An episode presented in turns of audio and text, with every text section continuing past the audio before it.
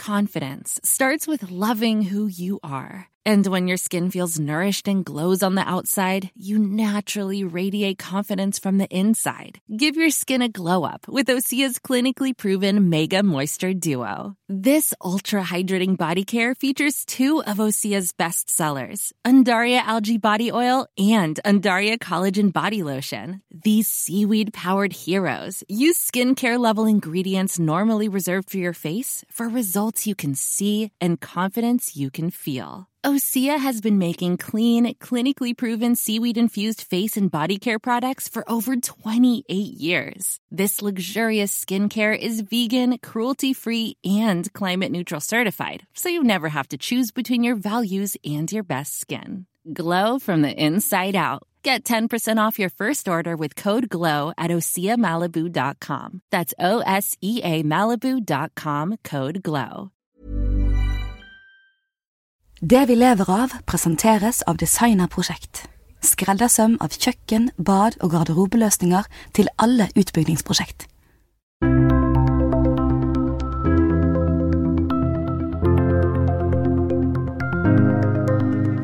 6. februar la Equinor fram sitt resultat for 2019 og presenterte planene for årene framover på den årlige kapitalmarkedsdagen i London.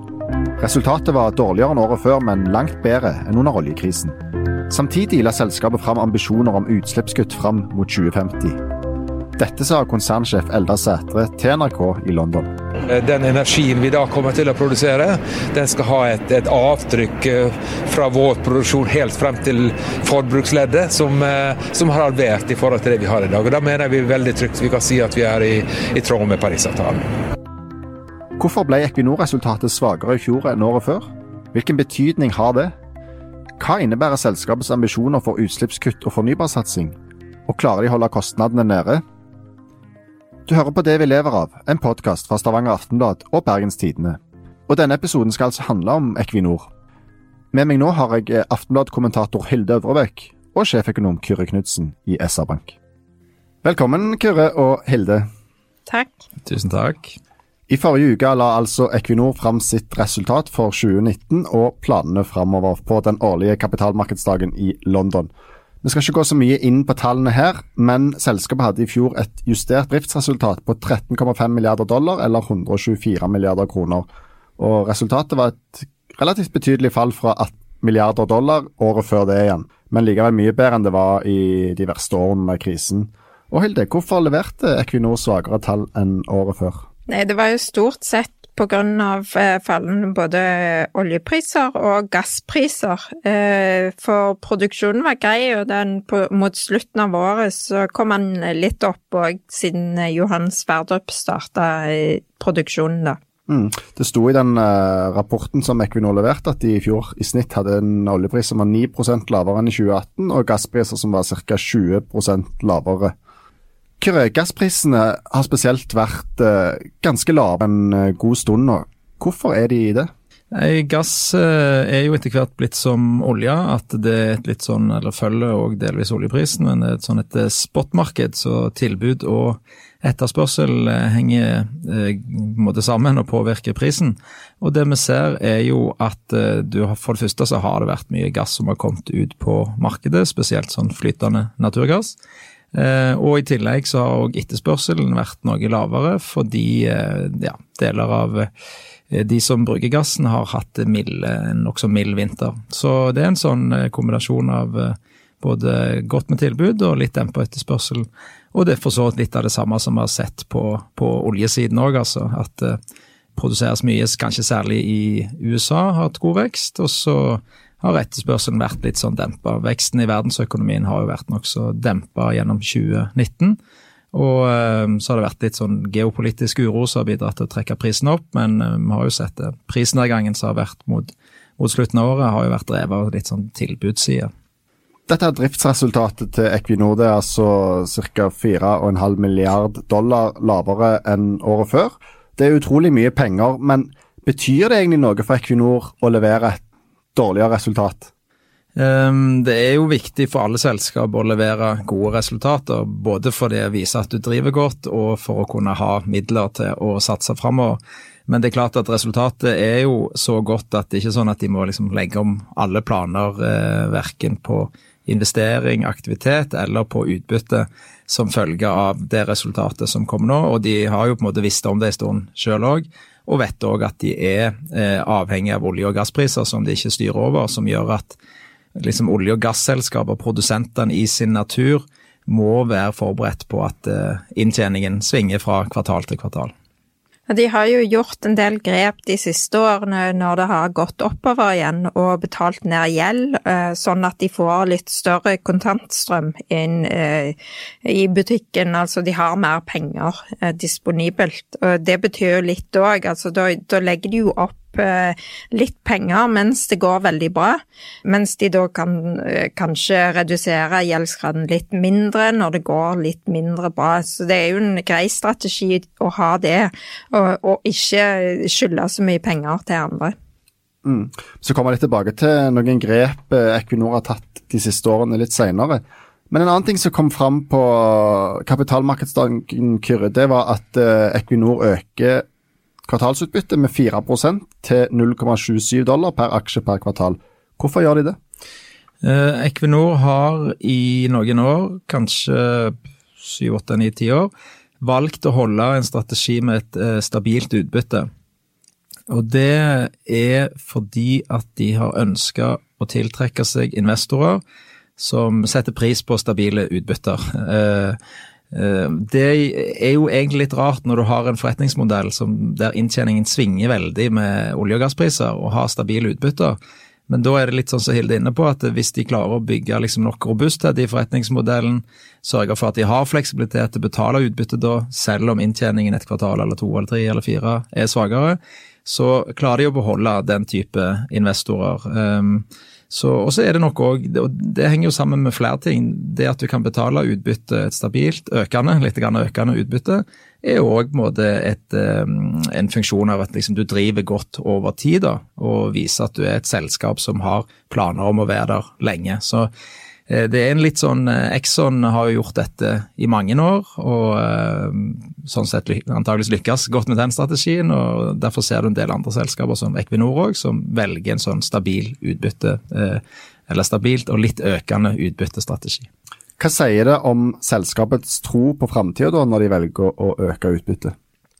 Altså, Du kunne jo tenkt deg at de skulle betale ut veldig mye utbytte hvis de ikke hadde tro på framtiden, men eh, jeg tenker mer at dette er en del av liksom altså strategien deres. At de viser for kapitalmarkedet, eierne, at de driver godt, driver sunt, har, har mulighet til å ha et stabilt, litt økende utbytte. Eh, og samtidig som de tjener godt nok til å ha ambisiøse planer framover som da vil generere liksom utbytter framover. For du kan jo regne deg med, med, det som de har gjort de siste årene, så kan du regne deg fram til hva utbyttet skal være la oss si om fem eller ti år, basert på den strategien de har nå. Og Da må de ha på en måte inntekter om fem og om ti år som kan forsvare den type, eller den eh, utbytter i den størrelsesorden. da. Så det, det, illustrerer i hvert fall at de har en, en, strategi bak dette her som de holder, og som de har holdt noen år med noen få unntak. Eh, og, og, at de antageligvis kommer til å fortsette med det framover. I London på scenen så sa finansdirektør Lars Christian Backer at Equinor er et mye sterkere selskap i dag enn i 2014.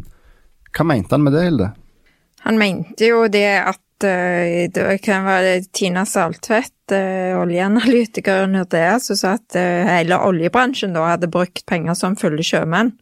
Uh, med det, det var kanskje litt flåste sagt, men med det mente hun jo at det var veldig mye pengebruk som gikk på forskjellige spesifikasjoner, veldig mye dokumentasjonskrav, veldig mange ting som tok kostnadene opp generelt i bransjene, at de overbetalte for både varer og tjenester og alt. Og etter de kuttene, mens oljekrisen pågikk, så har de jo redusert eh, kostnadene ganske mye. Og betyr at de får inntjening på de prosjektene, mye større inntjening på de prosjektene som de eh, hadde vedtatt da, enn de hadde regnet med. Hva er det selskapet har gjort, Kyrre? De har øh, gjort veldig mye. Altså, det er jo ofte sånn at når en bransje havner i den type krise eller utfordring som vi er oppe i, så da løfter du alle steiner. og, og, det er klart man var nødt til å få ned øh, kostnadsnivået. Eh, det som vi av og til glemmer litt, er at dette kom jo da helt på halen av den lengste oppturen antageligvis, i hvert fall som vi har hatt på norsk sokkel. 11-12 år med, der investeringene steg med over 300% Aktiviteten var helt i den høye enden. Uh, og da har du ikke hatt noen uh, Du har ikke hatt den naturlige fire-fem gode år, så ett-to dårlige. Sånn at du hadde antageligvis en sånn underliggende kostnadsutvikling som uh, det, var mye som ble krevende på slutten, og så var man veldig avhengig av en høy oljepris. Sånn at du ser Castberg, som ble nevnt, der de har tatt ned kostnaden nesten halvparten. Den var jo oppe på 80 dollar fatet. Det funker greit, det, hvis oljeprisen er 120, men hvis oljeprisen da er 78 dollar fat, så tjener du ikke penger på det. Ganske stor investering og ganske stor risiko med å ta den investeringen. Så de har gjort veldig mye forskjellig, som i sum har fått ned eh, kostnadene mye. Og så er det viktig tror jeg, å huske at det, det er på et vis ikke olje- og gasselskapene som har gjort det, det er jo leverandørindustrien først og fremst. Så, så selv om vi, på en måte, vi gir jo mye honnør til lavere kostnader, det er veldig bra for konkurransekraften, så har det vært vanvittig krevende for leverandørindustrien her. Um, hvis du tar et selskap som Aker Solutions, så har jo de fått ned sier de liksom enhetskostnadene kanskje med ja, opp mot 40% i løpet av de par siste årene. Og Hvis du tillegg putter på, liksom hvis vi ser det fra et norsk perspektiv, med at kronekursen òg svekker seg med omtrent 40% i samme perioden, så er det klart at den internasjonale konkurransekraften til den bransjen har økt mye fra et norsk perspektiv. Og så er det også sånn at når du har fått ned kostnadene så mye i bransjen, så kan du òg gli over i andre bransjer. Det hadde du nok ikke samme mulighet til i 2013-2014. Og det er jo det som kommer til å bli det spennende framover når vi snakker om omstilling og alt dette her, nye, nye forretningsområder. Det er jo det at nå har du fått et kostnadsnivå som gjør det faktisk mulig å komme seg inn i andre bransjer. Og det begynner vi å se konturene av. Det er jo som du nevner sånn at eh, Leverandørene måtte ta mye av de kuttene som er tatt de siste årene, og det har gått eh, veldig hardt utover mange, og mange mista jo jobben. Og Pga. det så var det jo en veldig dårlig eh, forhandlingsposisjon når de skulle forhandle kontrakter med bl.a. andre Equinor da, og måtte ta til takke med dårlige kontrakter, og derfor sliter de jo fortsatt, er det mye snakk om. Dårlige marginer, dårlige kontrakter, de tjener ikke nok penger. Er det noen mulighet for at forhandlingskortene blir bedre framover nå? Det er For det første så er det nok ganske stort spenn i laget, da. Det er deler av verdikjeden der det åpenbart har, er på en måte mye kapasitet ennå. Liksom Mye av rigg og båter og sånt, så er det vanskelig å få ned tilbudssiden. sant? Fordi at den ble jo bygd opp, og så er det ikke så lett at disse båtene og riggene kan gjøre noe annet. Så der har det jo tatt lengre tid. Og så har du liksom det der mellomskiftet med litt mindre investeringer, og så har du de, måte, de som er veldig lette, er jo for å gjøre det enkelt, oljekonsulentene som, som i dag antageligvis er tilbake igjen på veldig altså Mange av de på gode tider, fordi at det, det er mange selskaper nå som leier inn eh, fordi at de har lyst til å ha det som fleksibilitet. Og det er ikke så mange tilgjengelige i markedet. Sånn at det, det er ganske stort spenn. Men hvis vi ser på snittet, da, så er det bl.a. Norges Bank gjør en veldig interessant analyse i regionalt nettverk. og Der er det nå bare for ja, to år siden så hadde nesten alle de som var med i det nettverket, de hadde ledig kapasitet. Nå er det gått ned til kun 30% Så ifølge det nettverket da, så er det sånn at nå begynner det å bli mindre ledig kapasitet der ute, sånn jevnt over. Og det forteller oss jo at på et eller annet tidspunkt så vil, det liksom, vil vi òg se det litt mer. Og så er det sånn også at en del av selskapene som jeg nevnte som gjør det bra, vi så jo senest i Aftenbladet for ikke så lenge siden eh, et par eksempler på en del selskaper som begynte, begynte å tjene godt med penger i, i, 2019. Så vi går inn i en veldig interessant eh, tid, fordi at eh, det er ikke så, det er ikke alle deler av verdikjeden der det er så mye ledig kapasitet heller lenger. Og selv der det har vært en god del kapasitet, så har det blitt tatt noen grep for å få ned kapasitet. Da skal vi få en kjapp melding fra vår annonsør. Vi er straks tilbake. Siden 1992 har designer produsert kvalitetsmøbler til kjøkken, bad og garderobe fra vår egen fabrikk. Med over 25 års erfaring forstår vi i Designerprosjekt hva profesjonelle utbyggere ser etter hos en samarbeidspartner. Vi skreddersyr løsninger til alt fra store offentlige anbud til mindre boligprosjekt, og sørger for at du alltid får det du trenger til riktig tid. Designerprosjekt leverer til hele Norge, og med våre 21 butikker over hele landet er du og dine kunder alltid velkommen innom for å studere vårt store utvalg av løsninger. Da går vi videre i podkasten. Det er altså sånn at uh, Equinor har kutta mye kostnader siden 2014. Og gjennom hele denne perioden så har det vært veldig mye snakk om og understreke hele tiden at vi må unngå å havne der vi var før, og det er jo noe toppen i Equinor sjøl gjentar gang etter gang. Hvordan ligger det an med det, Kyrre? Klarer de å unngå å havne i samme spiralen? Ja, jeg tror i hvert fall så lenge Eldar Sætre er i Equinor, så vil man ha den kostnadskulturen eller fokuset veldig sterkt inne i det selskapet. Og når man har det i det selskapet òg, så legger jo det føringer for mye av det som skjer på norsk sokkel. Så det i hvert fall jeg hører, er at Equinor på en måte holder den fanen høyt ennå. Eh, det er litt andre aktører som, hvis du ser f.eks. arbeidsmarkedet, da, så er det en del som liksom overbyr hverandre litt i, i ansettelser. Mens eh, det virker på meg som Equinor fortsatt holder ganske godt igjen. Og så er det, mm, er det som jeg sa, grunnen til at vi havna der forrige gang, var nok at det var veldig mange år etter hverandre eh, med god vekst, og du kom fra en situasjon der kapasiteten ikke var så veldig høy. Så det vil være veldig annerledes denne gangen. Jeg tipper at det å kunne skalere opp aktiviteten nå, hvis det skulle bli sånn, er lettere enn det var f.eks. i 2011-2012 rett og slett fordi vi var på et høyere nivå for ikke så lenge siden. Mm. Um, og I tillegg så er det sånn at markedsutsiktene for liksom kjernen i det mange holder på med, på norsk sokkel f.eks., så ligger det an til et fint år i fjor. 15-20% vekst. I år òg litt grann av vekst, kanskje opp til 5 Men neste år og de par neste årene så ser man jo en bane som enten sideveis eller litt fallende. Jeg tror egentlig at den største risikoen, sånn som Kjøre sier, er kanskje ikke at det, det som de har fått ned kostnad på allerede med standardisering og utstyr og sånne ting.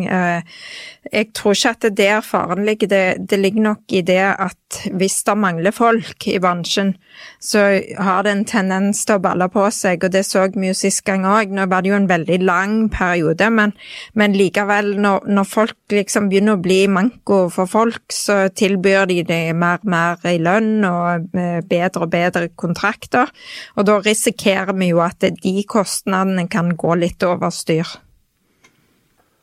Men vi snakka litt om klima til slutt. For uh, de siste månedene så har Equinor uh, kommet med en del uh, ambisjoner for, for kutt framover. I januar så sa de at de skal kutte klimagassutslipp fra egenopererte felt og landanlegg i Norge med 40% innen 2030, 70% innen 2040 og ned mot nær null i 2050.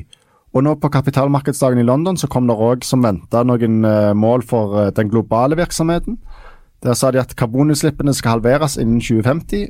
Uh, fornybarkapasiteten skal fordobles til 2026. Og selskapet skal oppnå karbonnøytrale operasjoner innen 2030 globalt. Hvorfor gjør de dette, Hilde? Det er jo, som jeg skrev i en kommentar òg, at de, de, vil jo tekkes, investorene, fordi at de, de, ser at andre selskaper rundt forbi verden, Repsol har vært ute og, og hatt veldig ambisiøse mål. Eh, andre oljeselskaper, Haag, Shell, har sagt at de vil ta ansvar for, for de eh, nedstrømsaktivitetene og utslipp derifra. Eh, så nå måtte jo Equinor på en måte for å få investorene til å tenke at de òg er et selskap for, for framtiden legge fram disse eh, målene sine, eller ambisjoner, som de kaller det for. Eh, ambisjoner er ikke mål, og det, eh, det, tror jeg at de må bevise eh, framover hvis de skal ha en viss troverdighet blant investorer. I den nevnte kommentaren din så kalte du dette her en klimaflørt. Hva legger du i det? Jeg legger i det at eh, du vet hvis du er litt tidlig i et forhold og bare flørter, så, så, vil den andre se på deg kanskje som eh, at du er en så kanskje vi vil satse på, men hvis du ikke legger noe mer i det da, eh, så vil den andre til slutt gi opp og forsvinne. Så jeg tenker litt at det, det, det, er liksom nå de begynner å må vise litt gjennomføringskraft. Eh, de må bevise at de faktisk gjør de tingene som de har sagt de kommer til å gjøre, for hvis ikke har de ikke noe troverdighet. Og for investorene så betyr faktisk klima veldig mye. De har sett en stor endring i det de to siste årene bare. Eh, nå er det store investeringsselskaper som BlackRock som sier at eh, de ikke ønsker å investere i kull, de vil se på olje og gass, som de vil trekke seg ut fra det. Norske oljefondet sa i fjor at de ser at det er risiko i de selskapene som bare driver på med olje og gass, og ikke noe annet. Eh, så det nytter ikke i dag, hvis du skal få penger fra investorer, å bare være et olje- og gasselskap. Hvor er du enig i at dette her er noe Equinor må gjøre? Uh, altså Jeg har nok litt annen innfallsvinkel. Uh, jeg, jeg, tror For selskaper så er det som, som, oss mennesker. Når vi liksom innser at verden har et problem, så har vi lyst til å være med å bidra og, og løse det og endre det. Og det er klart at For olje- og gassbransjen som sitter midt i det, uh, på mange måter, så kjenner man nok veldig på den. Hvordan skal vi bidra? Så det er det ene at jeg, selv om man kan kalle det en klimaflørt eller hva som helst, jeg opplever fall veldig mange de jeg snakker med, at de mener det. Altså, de ønsker å være med på å endre verden i den grad det, den bedriften eller den, det selskapet da kan være med på det.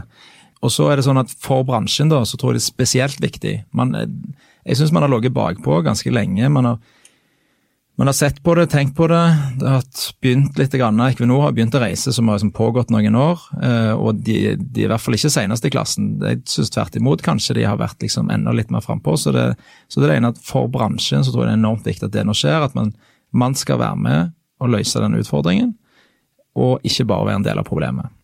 Og så tror jeg det òg sånn, litt sånn logisk, hvem er det er største eier i Equinor? Det den norske stat. Hva er ambisjonen til den norske stat? Jo, det er jo akkurat, eller var, i hvert fall inntil nylig, eller er kanskje sånn lovmessig ennå, akkurat de målene som du leste opp. Sånn at det er jo helt naturlig, og hvis man bare tenker det at de er eid av Norge, at Equinor òg, og den sånn sett bransjen som eh, offentlig Norge eier en stor andel av, følger de norske klimamålene. Den tredje delen tror jeg handler òg om det som går på hvem er du, og hvem er du noe for. Altså, hvis man, legges, hvis man, hadde lagt seg helt på andre siden og sagt ja, vi er bare et olje- og gasselskap, produserer olje og gass, og så får verden gjøre hva de vil, og alt sånn som det, så er det ikke sikkert at man hadde klart å tiltrekke seg så mye folk. og Hvis du bare ser på hvor mange som jobber i Equinor, hvor mange som går med pensjon de neste årene, så er du liksom enormt avhengig av å kunne ha en attraktivitet der ute. Og Det handler jo om at liksom, hei, altså, veldig mange av de som står rundt selskapet, de er opptatt av det. Så du kan eh, nesten si at liksom jeg eller vi som sitter her, vi kan mene hva vi vil, men hvis hele verden er på vei et sted, så er det veldig vanskelig å liksom ikke ta et aktivt forhold til det. Og Det, det opplever, har nok Equinor kjent på i, mer, i økende grad, men i sum så, så, tror jeg at dette er liksom viktige grep for selskapet, for bransjen, men som er helt naturlige, gitt den eierstrukturen de har og den betydningen de har for norsk økonomi. Og så er det også sånn at man blir stående i spagaten. Man produserer jo fortsatt olje og gass, og da er spørsmålet hva gjør vi med det, liksom noen år ned i veien.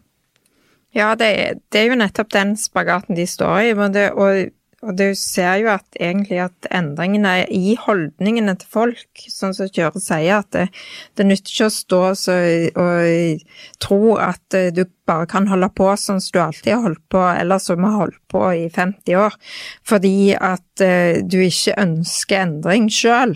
Uh, så du må jo ta inn over deg alle de tingene som skjer der ute. Og hvis uh, klimamålene i Norge, som det ser ut til, blir enda strengere, og klimamålene i EU blir strengere enn det som de er i dag, så vil jo Equinor òg måtte justere sine ambisjoner til, til å være på linje med disse målene.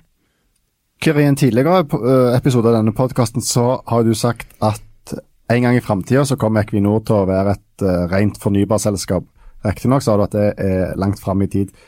Når de kommer med sånne ambisjoner som dette her, tror du den, en sånn dato kommer nærmere da?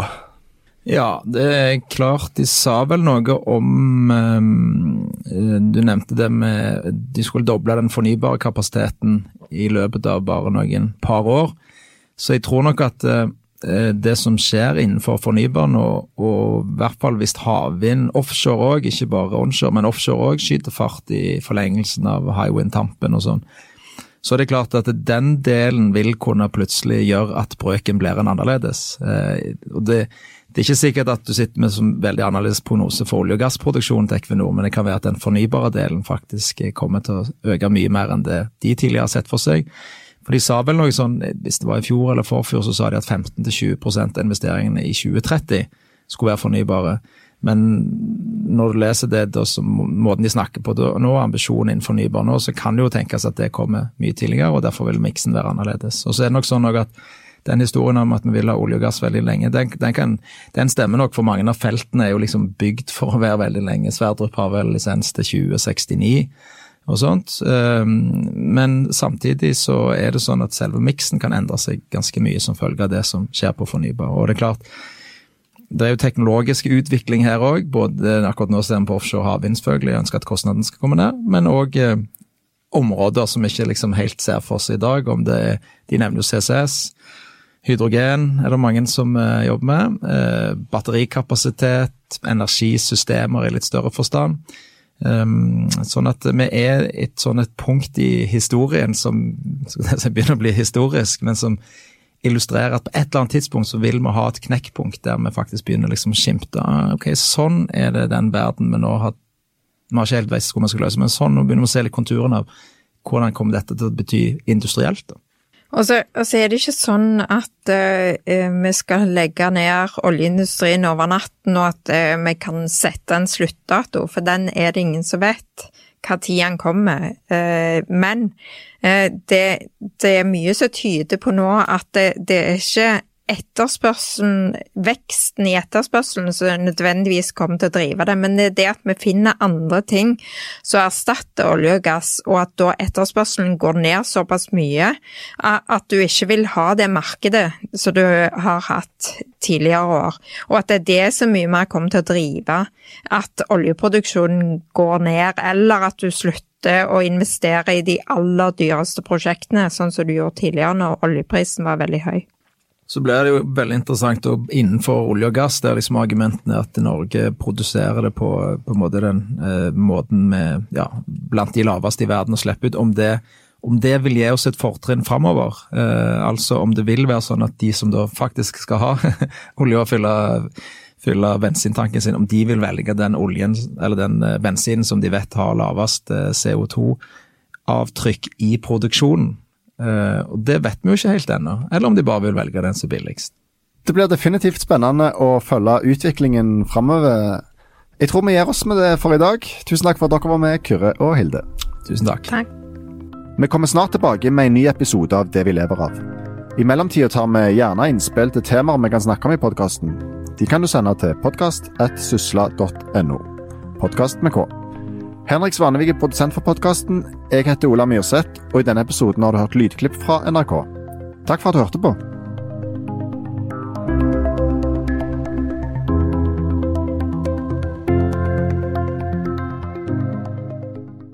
Med over 25 års erfaring vet vi i Designerprosjekt hvilke kjøkken, bad og garderobeløsninger boligkjøpere drømmer om. Besøk oss på designer.no og book et møte i dag for å finne den perfekte løsningen for ditt prosjekt.